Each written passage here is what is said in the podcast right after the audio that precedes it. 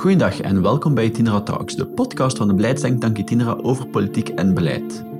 Voor deze speciale editie van onze podcast zullen we luisteren naar de audioversie van een webinar uit de reeks Perspectief 2030. Je kan de webinars ook bekijken op onze website, de link vind je in de show notes. Laat ons weten wat je denkt op Twitter en Facebook met hashtag Itinera Talks en veel luisterplezier.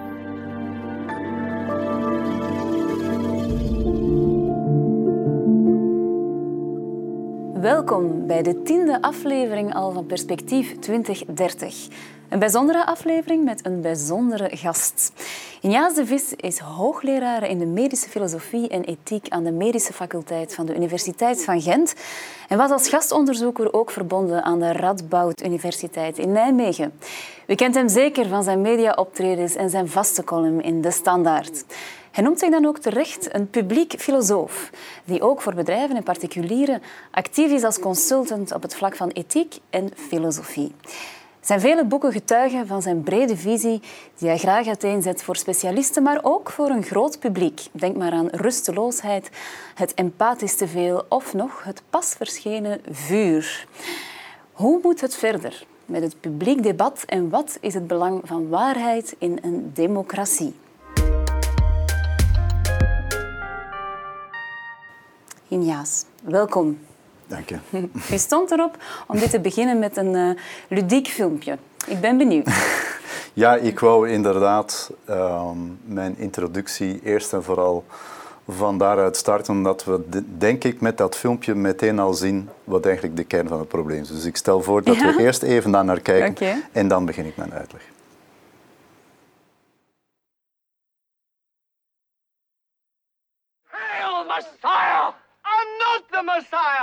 I say you are, Lord, and I should know I followed a few. Hail Messiah! I'm not the Messiah. Will you please listen? I am not the Messiah. Do you understand? Honestly! Only the true Messiah denies his divinity. What? Well, what sort of chance does that give me? All right, I am the Messiah. He, is! He is the Messiah! Now, Okay. Ja, dat is helemaal duidelijk. Hè? Dit is uh, Monty Python op zijn best. Ja. de waarheid en de leugen. En, uh, zijn wij het iets willen geloven of wordt er ons iets opgedrongen? Daar gaat het eigenlijk Ja, precies. um, ik vond dit fragment zo treffend omdat het in feite... Um, ja, het tegenovergestelde is van wat we de afgelopen vier jaar in de States hebben meegemaakt. Mm -hmm. Dus dit fragment is voor mij het omgekeerde wat Trump vier jaar lang zijn publiek ja. heeft voorgehouden. Dat hij de redder was. Dus het is duidelijk een man die zegt, je mag mij vooral niet geloven. En dan willen ze niet anders dan hem te gaan mm -hmm. geloven. Dus dat is voor mij inderdaad wel een, um, een mooie illustratie van toch een kernprobleem van de democratie vandaag, niet alleen mm -hmm. in de States hoor. Mm. Het is veel te comfortabel om het probleem alleen daar te projecteren. Ja. Maar een uh, illustratie van in feite een kernprobleem van de democratie vandaag. Hoe gaan mm. we met feiten om? Ja. Wat willen we nog geloven? Uh, wat kunnen we nog geloven? En waarom doen we dat dan? Uh, en dat is natuurlijk voor een filosoof die ik nu eenmaal ben bij uitstek een belangrijke kwestie, omdat dat in feite de oervraag, het oerprobleem is van de filosofie. Wat is ja. waar ja. en wat is niet waar? Wanneer kunnen we iets voor waar aannemen en wanneer is het een leugen? Ja, of niets is geheel waar en zelfs dat niet heeft mij ooit eens iemand... Een... Kijk eens aan, voilà. filosofen in de ja. omgeving. Ja, wel, ik, ik heb een, een tweetal uh, kernwoorden in feite uh, mm -hmm. als startpunt genomen, omdat die inderdaad en dat is bij wel wat meer uh, filosofische problemen of maatschappelijke problemen in het algemeen het geval.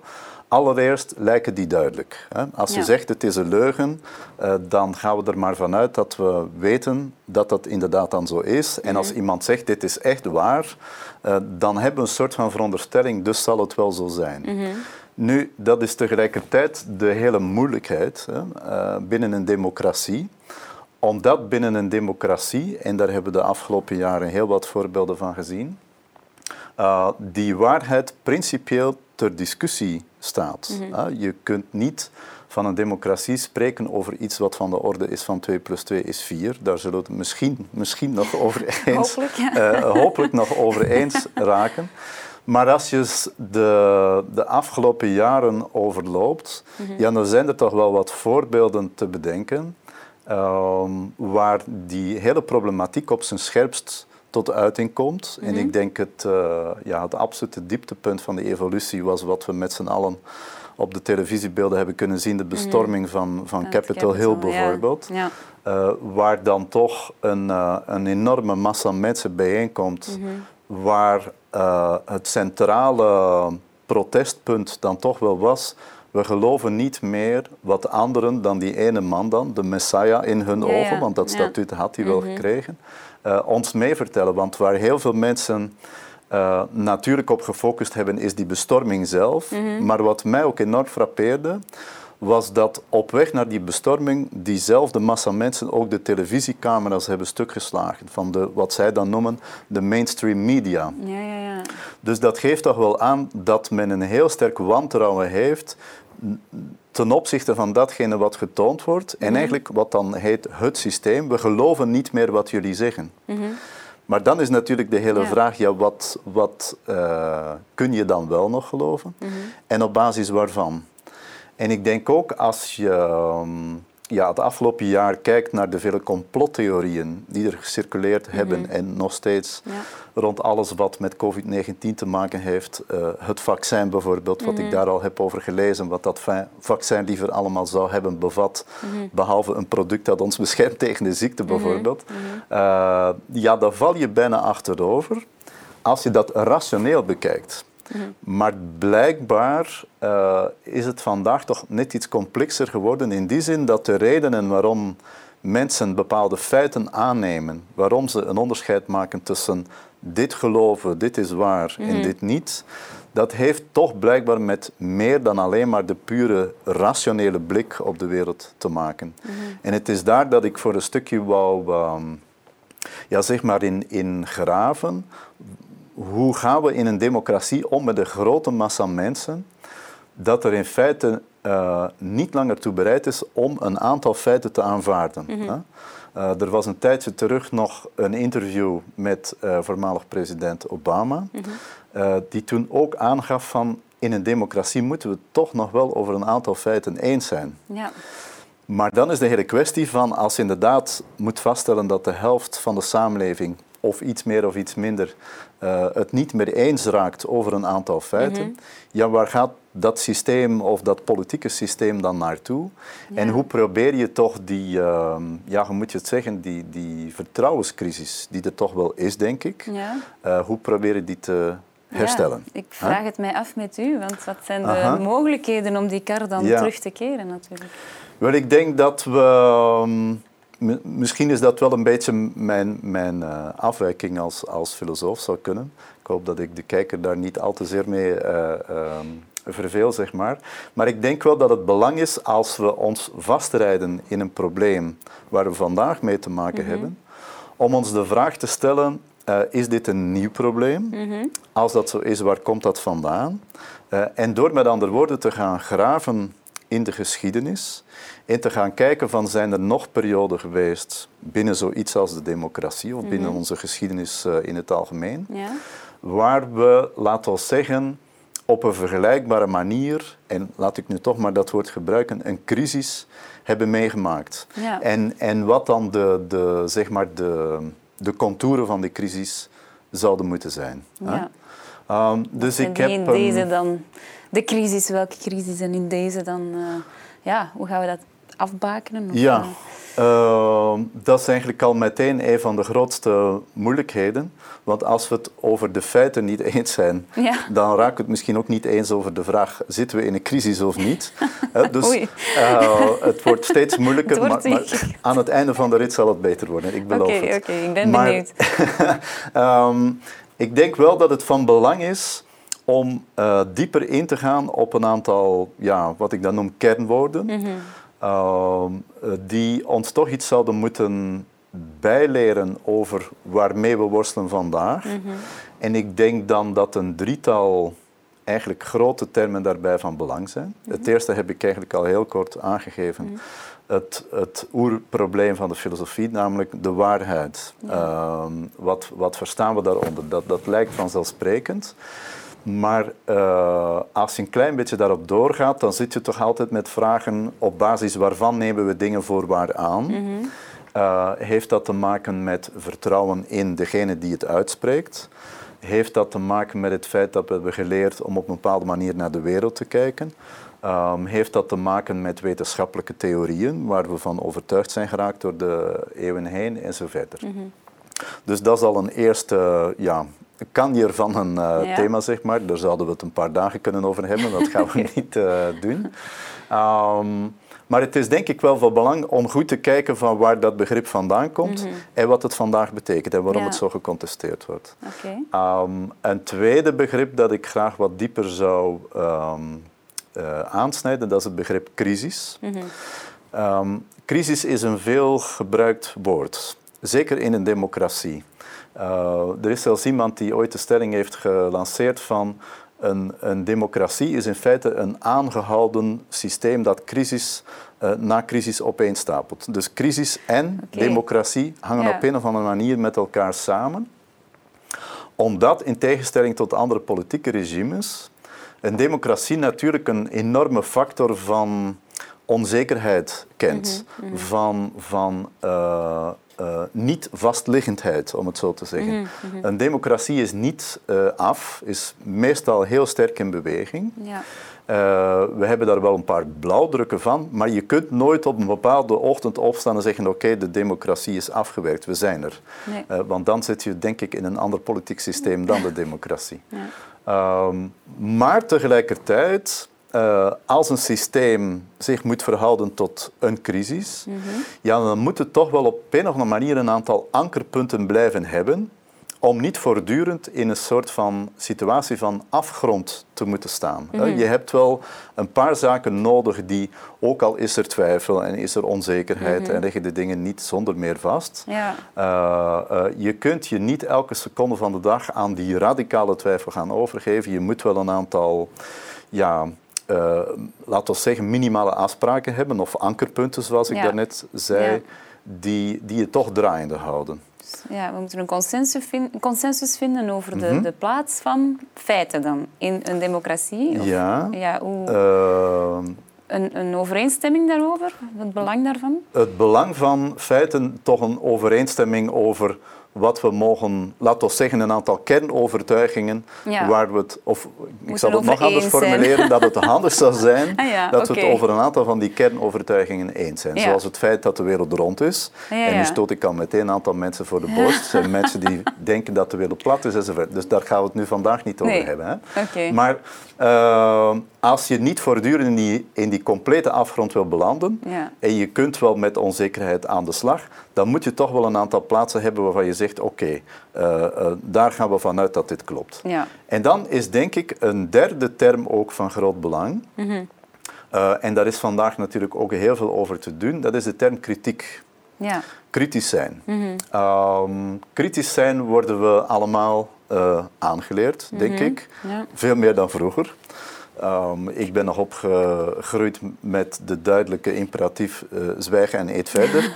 Vandaag is het uh, eerder uh, omgekeerd. En ik vind dat een goede evolutie, dat ja. we kinderen opvoeden die in staat zijn om, om kritisch naar de wereld te kijken, die mm -hmm. niet zonder meer gezag aanvaarden, die, um, laten we zeggen, proberen hun positie in de samenleving ja, op, op hun eigenste manier tot stand te brengen. Mm -hmm. Maar kritiek moet natuurlijk ook altijd wel ergens een mikpunt hebben. Namelijk, waar loopt die kritiek op uit? Mm -hmm, mm -hmm. En het is uh, bovendien zeer comfortabel om kritisch te zijn over anderen of over wat er allemaal fout loopt in het zogeheten systeem, of hoe ja. we het ook omschrijven. Ja. Um, maar tegelijkertijd en vandaar ook het belang dat, dat die drie termen zich tot elkaar verhouden, waarheid, -hmm. crisis en kritiek. Mm -hmm. Als je die drie van elkaar gaat, gaat uh, losrukken, als die een eigen leven gaan leiden, mm -hmm. uh, en als mensen um, bijna fulltime kritisch zijn, maar eigenlijk niet meer in staat zijn Ja. om nadat ze kritisch zijn geweest, toch nog ergens mee om te gaan, ja, dan is het dus de vraag, eindigen we dan nog met feiten? Ja. En als dat niet zo is, waar loopt het dan op uit? Ja. Stel dat we het inderdaad nergens meer over eens raken, dan hebben we wel een gigantisch probleem. Ja. Dus we kunnen, daar is ook een parlement voor opgericht. Mhm. Eh, er is een, een Franse filosoof, Claude Lefort heet die. Mhm. En die heeft ooit de democratie omschreven als een georganiseerde manier van ruzie maken. Ik vond dat een heel Dat is, eh, mooie... ja, eh, goed omschreven. heel mooie omschrijving. En daar dient een parlement ook toe om op een georganiseerde manier, niet fysiek, maar alleen verbaal, ruzie te maken. Maar finaal moet die ruzie wel uitlopen op een soort van pact dat nadat de ruzie voorbij is, je weer verder kan. Ja. Dus je kunt niet alleen maar ruzie maken. Je kunt niet alleen maar kritisch zijn. Je moet ook bepaalde stappen kunnen zetten. ja. Coalities gaan sluiten met mensen. Hebben we daar niet een soort eh, basisvertrouwen nodig in elkaar? Of ehm, is dat geen noodzakelijk ingrediënt? Ik denk dat dat inderdaad wel een van de cruciale voorwaarden is. En daar zullen we straks zeker nog op eh, eh, terugkomen. Als mensen geen vertrouwen meer hebben in bepaalde instellingen, en het blijkt toch telkens peiling na peiling dat eh, met name in een democratie dat inderdaad wel het geval is, een dalend vertrouwen in een aantal instellingen. Eh, eh, als je aan mensen iets vraagt over politiek, dan is de kans dat het negatief wordt zeer groot. Ja. Dus ik ken heel weinig mensen die nog positief commentaar leveren op de politiek. En dan is de vraag, hoe komt dat nu? Dat er zo weinig eh, eh, vertrouwen nog is in die instellingen. Hebben mensen dan het gevoel dat daar de waarheid wordt verzwegen? Want is, dat is een Ja. klassiek ingrediënt van complottheorieën. Ze bedriegen ons. Ze houden iets achter. Ze, ja. Eh, met de hele vraag wie zijn die ze dan? Mhm. Wat houden ze dan precies achter? En dan heb je zo'n fenomeen als internet, wat natuurlijk de perfecte voedingsbodem is.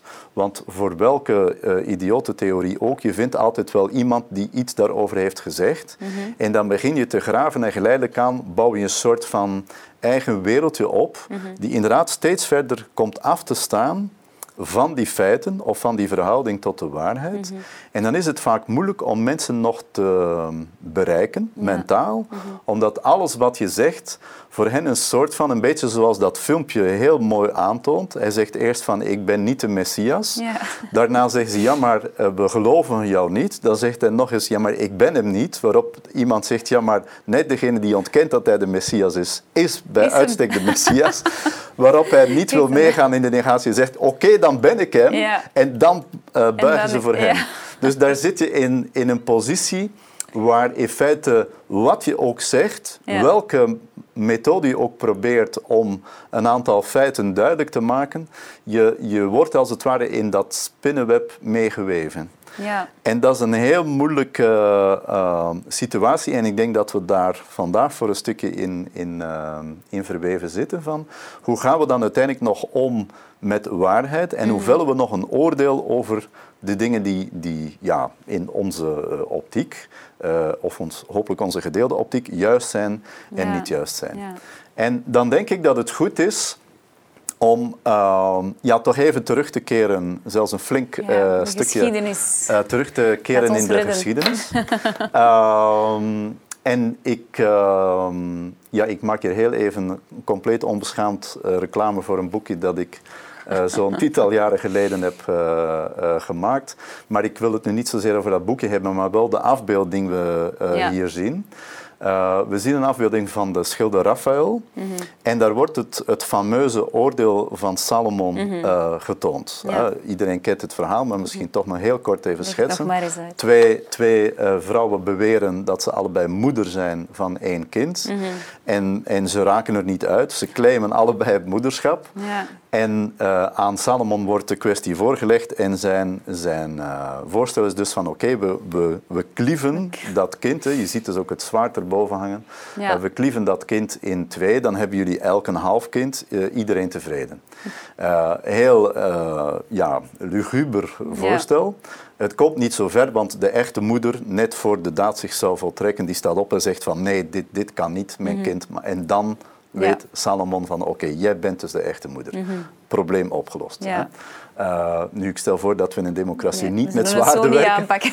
Ehm, maar sindsdien is er wel een, ehm, ja, hoe moet ik het zeggen, toch een soort van idee eh, beginnen leven dat de waarheid in het midden zou liggen. Eh, ergens halverwege twee posities in. Ja. En dat was toen voor mij de, ja, de aanleiding om die stelling niet zozeer per definitie als waar te aanvaarden, maar om daar een vraagteken bij te plaatsen. Is het inderdaad zo dat de, de waarheid per definitie in het midden ligt?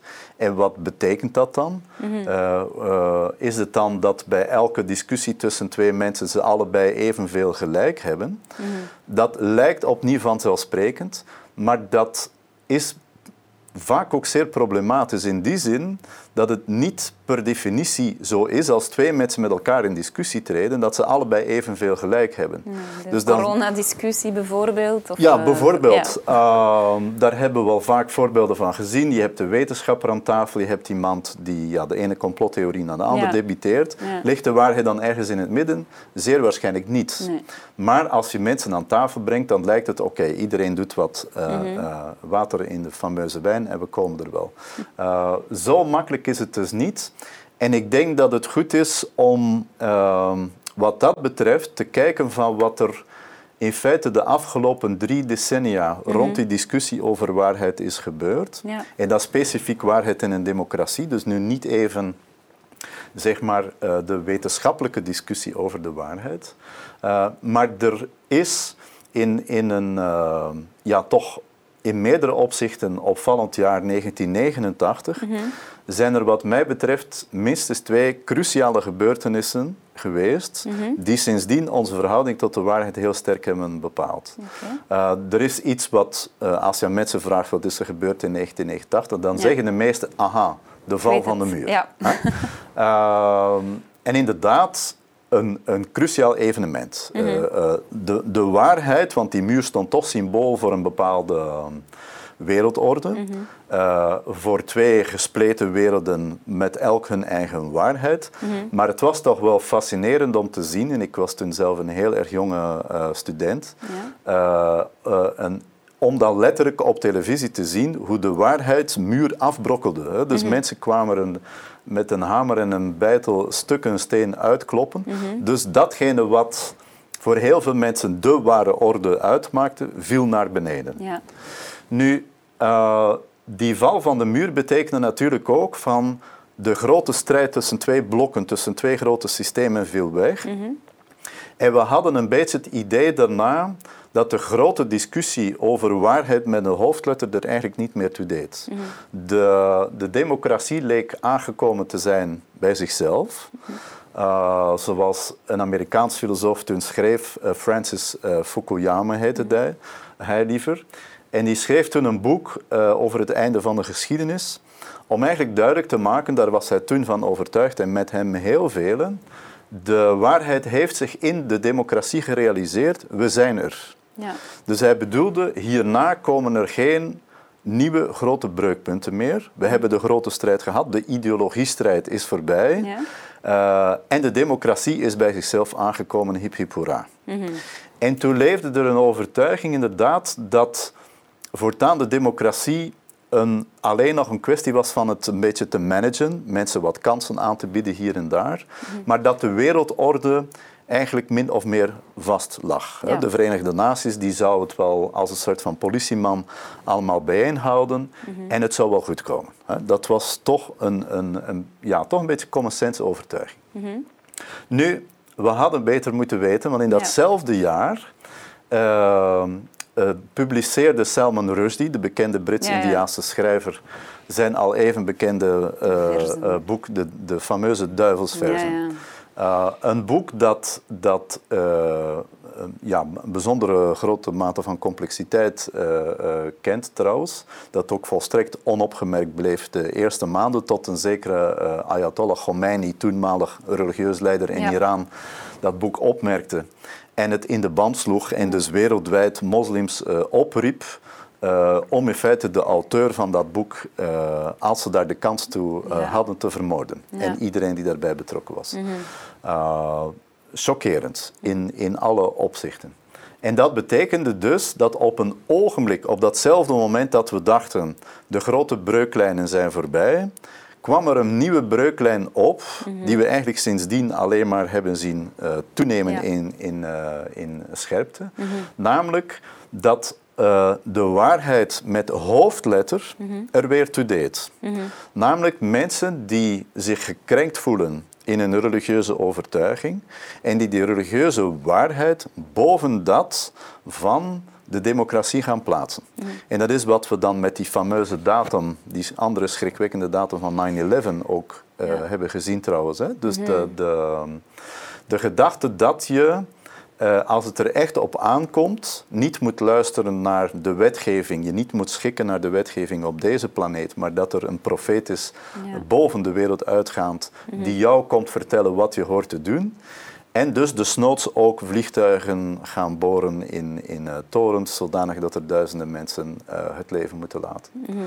Dus ik vond dat een, ehm, een zeer merkwaardige combinatie in 1989 en eigenlijk dat tweede feit, die veroordeling van Rushdie, met als uitloper in 9-11 en daarna Ja. helaas nog vele andere uitlopers die we hebben gekend. We hebben Ja. in eigen land ook die vreselijke aanslag, aanslagen eh, gehad.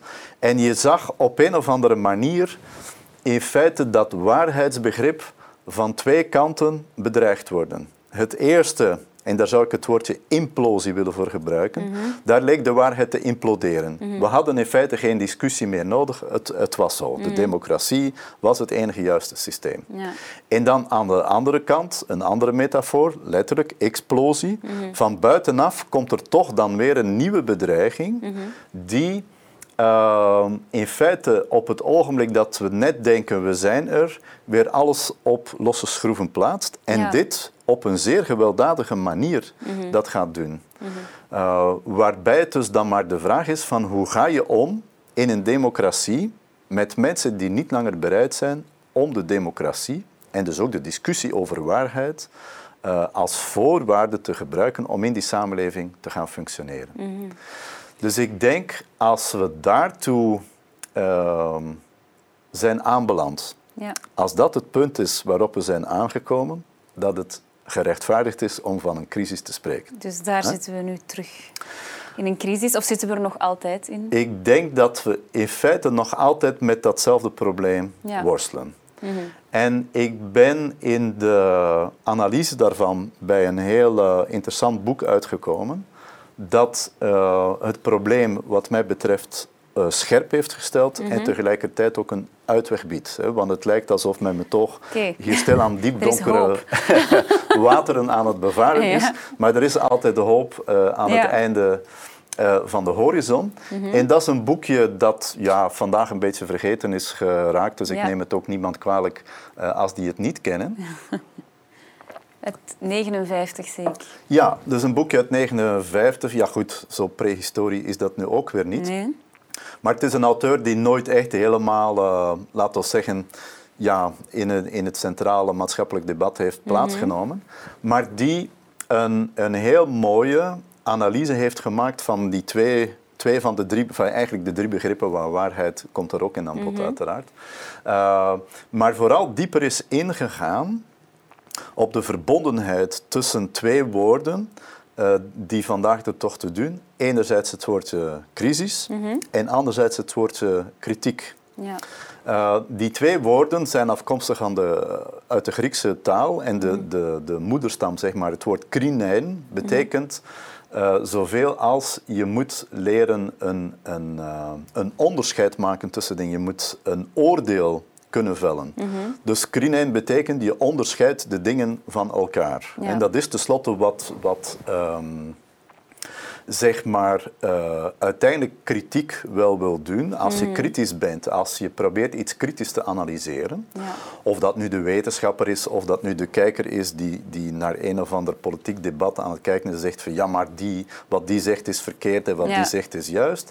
Met een kritische blik proberen we een oordeel te vellen en maken we een onderscheid tussen uh, juist en fout. Ofwel voor onszelf, of we proberen daar maatschappelijk een of andere vorm van consensus over te bereiken.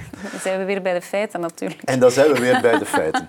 Uh, maar heel belangrijk is dat dat woordje crisis zelf ook uh, dus in die betekeniscluster vasthangt. Ja. En ik vond het zeer interessant om te merken dat ehm, het, de, het oorspronkelijke gebruik van het woord eh, eh, crisis te maken heeft met wat de Grieken in de geneeskunde ehm, hadden ontwikkeld. Namelijk, crisis was het moment in het ziekteverloop dat een arts hoorde te oordelen wat er in feite nodig was om het probleem op te lossen. Dus wanneer, er, eh, wanneer het woordje crisis werd gebruikt, was dat letterlijk een kritiekpunt.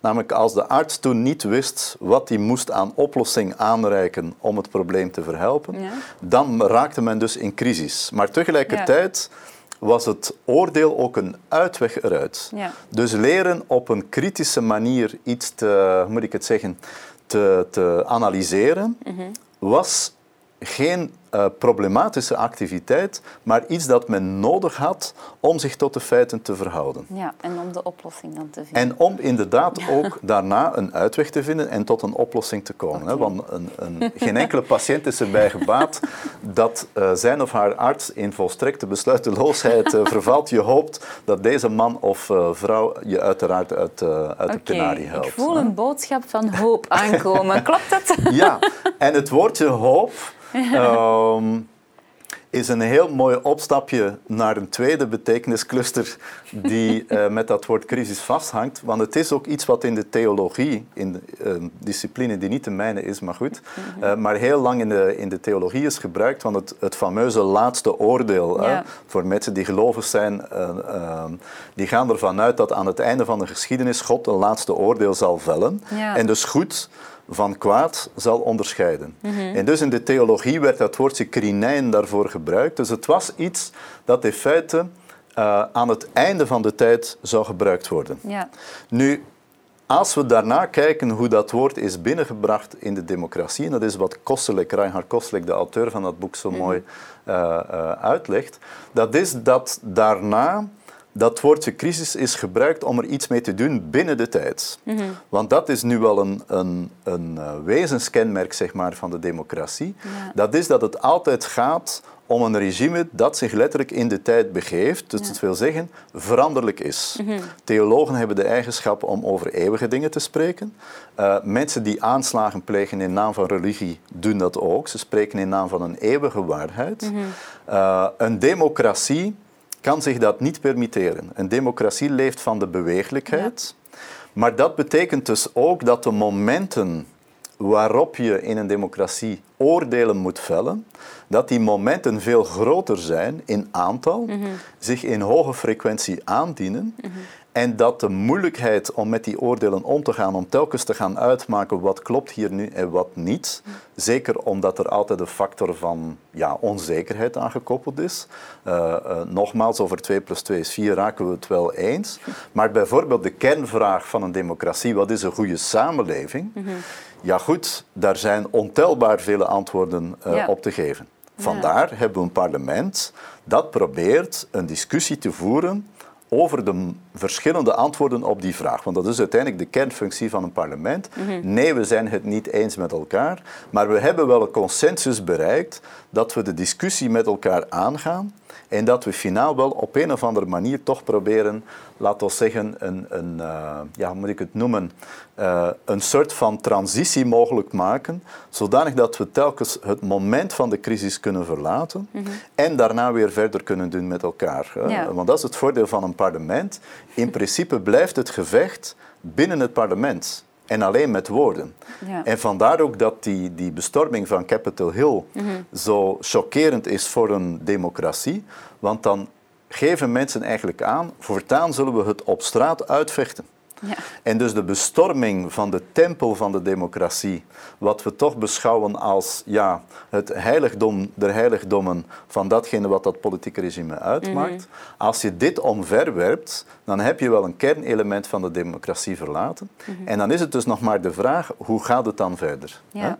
Dus Koselleck die heeft eh, ja, op de een of andere manier wel aangegeven van we moeten, eh, wanneer we in een democratie blijven of willen blijven spreken over feitenmateriaal, eh, moeten we wel proberen om ehm, een kern, laten we zeggen, overtuiging met elkaar te delen. Ja. Overtuiging over de waarde dan? Of over de, de, de feiten, wil ik zeggen? Over Of de feiten, over hoe de- een democratie min of meer hoort te werken. Dat je een parlement hebt, dat je een aantal Ja. instellingen hebt. eh, dat, dat eh, laat ons zeggen, als je iets wetenschappelijk bewijst, eh, dat je dat op een bepaald moment, wanneer het bewijs duidelijk aantoonbaar is, ook aanneemt. Ja. En daar niet meer over discussieert of dat En- in vraag en- stelt eigenlijk. ja, precies. Een soort Om- van basisvertrouwen, daar zijn we dan weer. eigenlijk. We zijn inderdaad, eh, en we zullen er denk ik nog wel een paar keer tegen aanbotsen, tegen dat woordje vertrouwen. Ehm, waarheid en vertrouwen hebben op een of andere manier met elkaar sterk te maken. Als Mhm. Ja. ik niet langer vertrouwen heb in een politiek systeem, Mhm. of ik zal het nog eenvoudiger stellen, als ik geen vertrouwen meer heb in iemand, dan zal ik die persoon niet meer geloven. Zelfs al zegt hij op een bepaald ogenblik toch zaken die juist zijn, Mhm. maar omdat ik een wantrouwen heb ten opzichte van die persoon, weiger ik om nog iets te geloven, Mhm. Ja. letterlijk voor waar aan te nemen. Mhm. Nu, tussen personen hoeft dat op zich niet zo, of toch niet per definitie problematisch te zijn. Maar wanneer dat maatschappelijk aan de orde is, Mhm. en we dus eigenlijk waarheid gaan binnenbrengen in een register dat eerder te maken heeft met, eh, hoe zou ik het omschrijven, met gevoelens of met emoties en minder met de pure feiten, dan komen we in een ander, laat ons zeggen, ik zal nu een zwaar woord gebruiken, waarheidsregime terecht. Ja. En eh, daar is een, een, in het Engels een fantastische term voor uitgevonden. In, in, in de Nederlandse taal is het iets lastiger, maar in het Engels spreekt men dan over truthiness. Dus je hebt truth, maar je hebt ook truthiness. Ja. Eh, ehm, en dat is zoiets als waarheidachtig. Dus het heeft met de waarheid te maken, maar de moeilijkheid is bij truthiness dat we ehm, ja, niet langer meer eens raken over wat nu eigenlijk ware feiten zijn en wat ja. niet. Is dat niet een beetje wat het probleem is nu ook met politieke partijen soms? Want het, is- het komt van die partij of het komt van de oppositie of de regering. Dus d'office wordt die emotie eraan gehangen zonder nog inderdaad naar de feiten te Ja. kijken. Van, is het nu waar of is Klopt. het nu... Ja, Ja, het komt van we- die, dus het zal wel niet zo zijn of Ja. zoiets. Ja. Precies, dus dan nemen de gevoelens de, de, de overhand Ja. eh, op de feiten. En dan wordt het natuurlijk moeilijk om nog tussen te komen. Want als mensen niet bereid zijn om die gevoelens aan de kant te schuiven, eh, ja, dan kun je wel zeggen, ja, maar het klopt niet wat je zegt. Maar als de reactie is, ja, maar ik voel dat het zo is, Ja. dan ga je elkaar buitensluiten. Dus daar zit een gigantische knoop waar we denk ik vandaag nog moeten weer uitraken. Hoe trekken we dat open? Hoe proberen we dat vertrouwen terug in de feitelijke orde binnen te brengen? En met z'n, ja, onszelf dus als burger toch een stukje te gaan eh, ja, terug opvoeden in, in ehm, ja, dat hele gebeuren van een democratie. Heb je daar concrete ideeën rond over hoe dat zou kunnen? Wel, ik denk dat we op zijn minst eh, vanaf, laten we zeggen, een zo vroeg mogelijke leeftijd onszelf moeten leren opvoeden om wat het betekent in een wereld te leven waarin de informatie alomtegenwoordig is. Hè? Historisch hebben we in feite altijd het probleem gehad, hoe raken we aan de informatie? Vandaag is het probleem omgekeerd. Het is niet zozeer hoe raak ik aan de informatie, maar van alle informatie die mij bereikt, wat is betrouwbaar? Ja. Dus als ik begin te surfen, eh, de beste manier om jezelf iets te laten wijsmaken is beginnen surfen. Alles staat op het net. Eh, eh, maar wat kun je nog voor waar aannemen? Wat klopt nog? Dus we moeten daar, denk ik, onszelf weer gaan heropvoeden. Klinkt een beetje zwaar, maar toch. Ja. Ik denk dat daar wel een belangrijke taak voor is om kritiek en waarheid terug aan elkaar te gaan koppelen. Namelijk, we moeten op de een of andere manier, en dat was ook wat eh Reinhard Koslik zei, hij omschreef dat in het eh, Duits als we hebben een zelfsgarantie nodig. Dus we hebben een garantie nodig dat kritiek zich op een of andere manier of zich bereid verklaart op een of andere manier om zich tot de waarheid te verhouden. Dus dat we na de discussie het er terug over eens kunnen zijn dat een aantal dingen wel juist zijn. En om daar nog één illustratie bij te geven, een tijdje terug eh, waren in Nederland rellen en toen gooiden mensen met stenen naar een ziekenhuis. Ja. Een ziekenhuis als de plaats, want het ging om een COVID-betoging, een ziekenhuis als de plaats waar de slachtoffers van datgene wat de rellenschoppers buiten ontkenden dat het was, Ja. binnen aan het verzorgen waren. Dus daar zie je, als wij, ver, als Ja. wij, het gaat inderdaad eh, bijzonder ver. Mhm. Dus we zullen daar op een of andere manier via opvoeding, via onderwijs Mhm. echt iets moeten aandoen om niet in de situatie te komen van een soort van parallele wereld. Mhm, Want als ik inderdaad ervan overtuigd ben dat de aarde plat is en een ander eh, is ervan overtuigd dat de aarde rond is, Mhm. ja, wat heb je dan nog over? Ja, dan heb je wetenschappelijke feiten over, dan heb je bewijzen over. Ja. Maar wat indien die persoon niet langer bereid is om die feiten als feiten te aanvaarden? Dan sta je dus met je rug tegen de muur. Ja, nu die mensen, ik, ik- het frappeert me soms dat mensen die wel kritisch opgevoed zijn, opgeleid zijn, toch ook bij die groep kunnen horen die nu veel ontkent. En dus dat het eigenlijk wel heel snel kan gaan, ook al ben je kritisch opgeleid. En Ja. eh, dat het toch kan omslaan.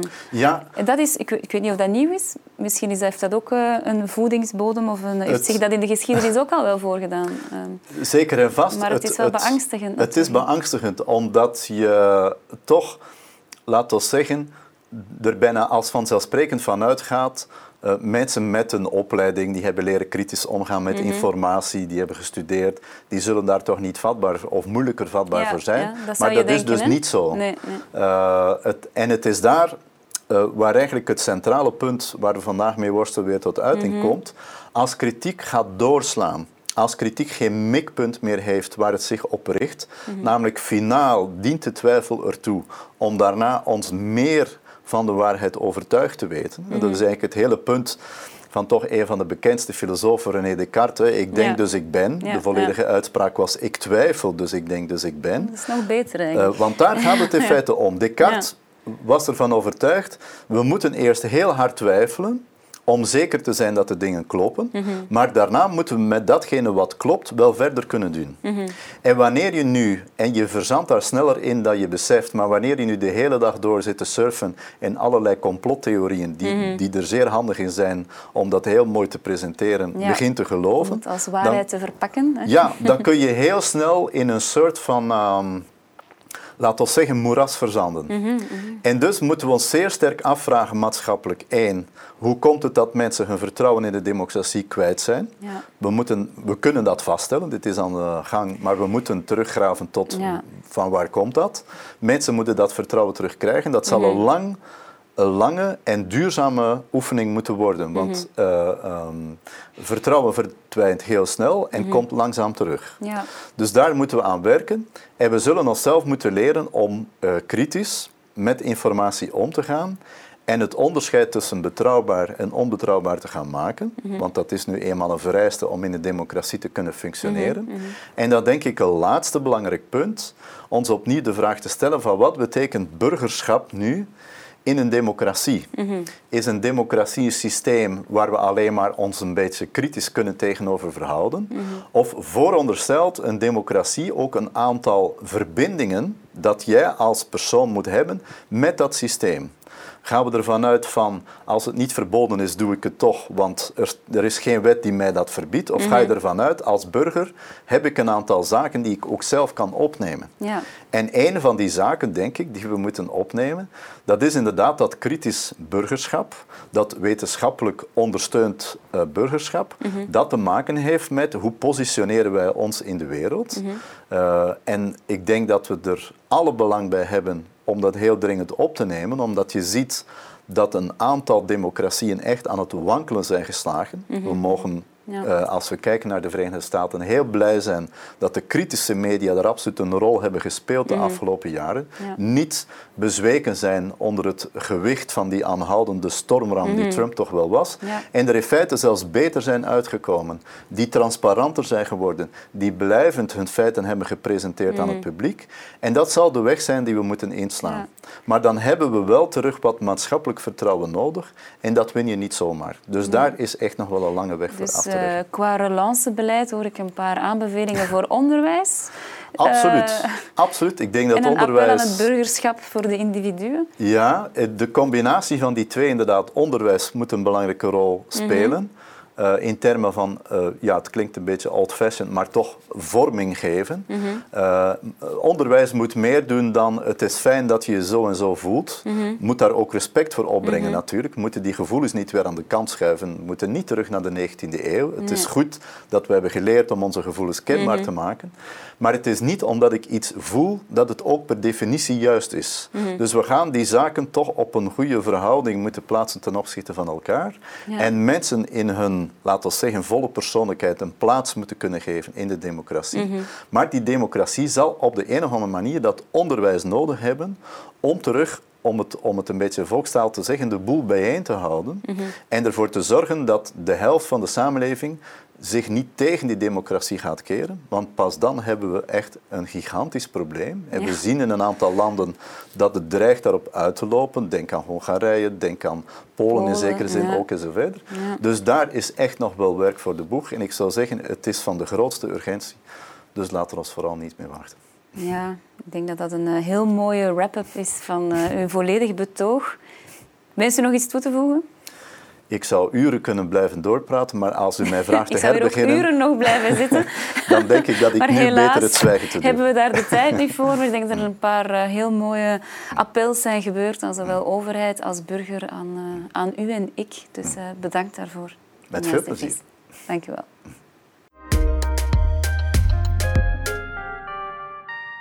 Bedankt kijkers en luisteraars om samen met mij door dit filosofisch betoog te gaan.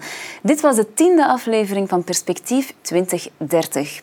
Volgende week gaan we het een tweede keer over de jeugd hebben. Deze keer met Peter Adriaansens. Hij zal spreken over opgroeien en meer bepaald opgroeien met inspiratie, creativiteit en passie. Een boeiend onderwerp dus. Afspraak volgende week.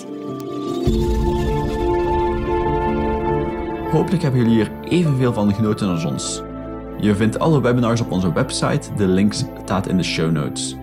Laat ons weten wat je denkt op Twitter en Facebook met hashtag Talks en graag tot de volgende keer.